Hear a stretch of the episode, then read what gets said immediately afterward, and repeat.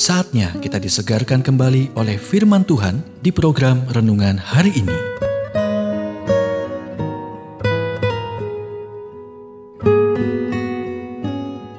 Renungan hari ini berjudul Bagaimana Tuhan mengubahkan kita.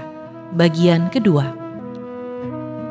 Nats firman Tuhan diambil dari Amsal 20 ayat 30. Pukulan membersihkan lubuk hati.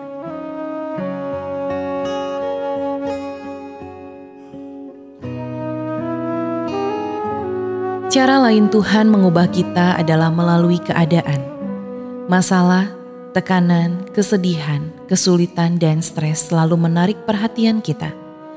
C.S. Lewis berkata, rasa sakit sangat perlu untuk diperhatikan. Tuhan berbisik kepada kita dalam kesenangan kita, tetapi berteriak kepada kita dalam kesakitan kita.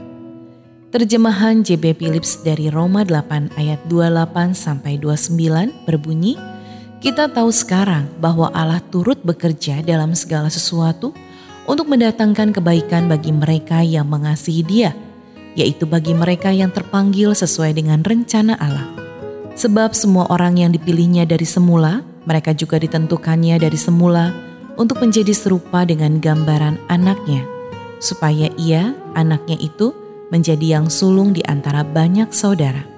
Tidak ada yang bisa masuk ke dalam hidup Anda tanpa izin Bapa Surgawi. Semua telah disaring oleh Bapa. Hal yang menarik tentang bagaimana Tuhan menggunakan keadaan adalah bahwa pada prinsipnya tidak mengubahnya. Kita sering membawa masalah pada diri kita sendiri. Terkadang disebabkan oleh orang lain. Di lain waktu, musuh menyebabkan sesuatu terjadi pada kita. Tetapi penyebabnya tidak berkaitan. Tuhan berkata, Aku akan membuatnya sesuai dengan rencanaku untuk hidupmu, untuk membuatmu seperti Yesus Kristus. Itu berarti tidak ada keadaan yang tidak dapat kita pelajari jika kita mempertahankan sikap yang benar. Mengapa Salomo berkata, pukulan dan luka menghapus kejahatan dan pukulan membersihkan lubuk hati?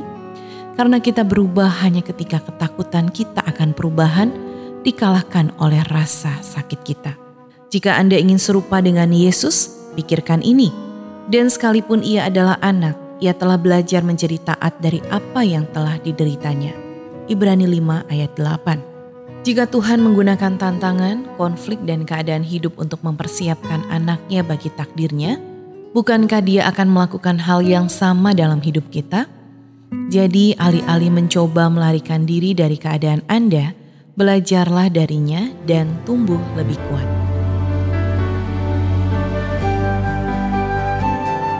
Kita telah mendengarkan renungan hari ini.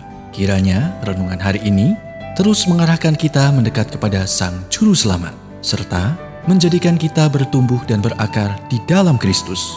Renungan hari ini tersedia dalam bentuk buku maupun digital dan bisa Anda miliki dengan menghubungi Japri di WhatsApp 0812 8784 7210 atau email ke infoapripusat@gmail.com. Tuhan memberkati.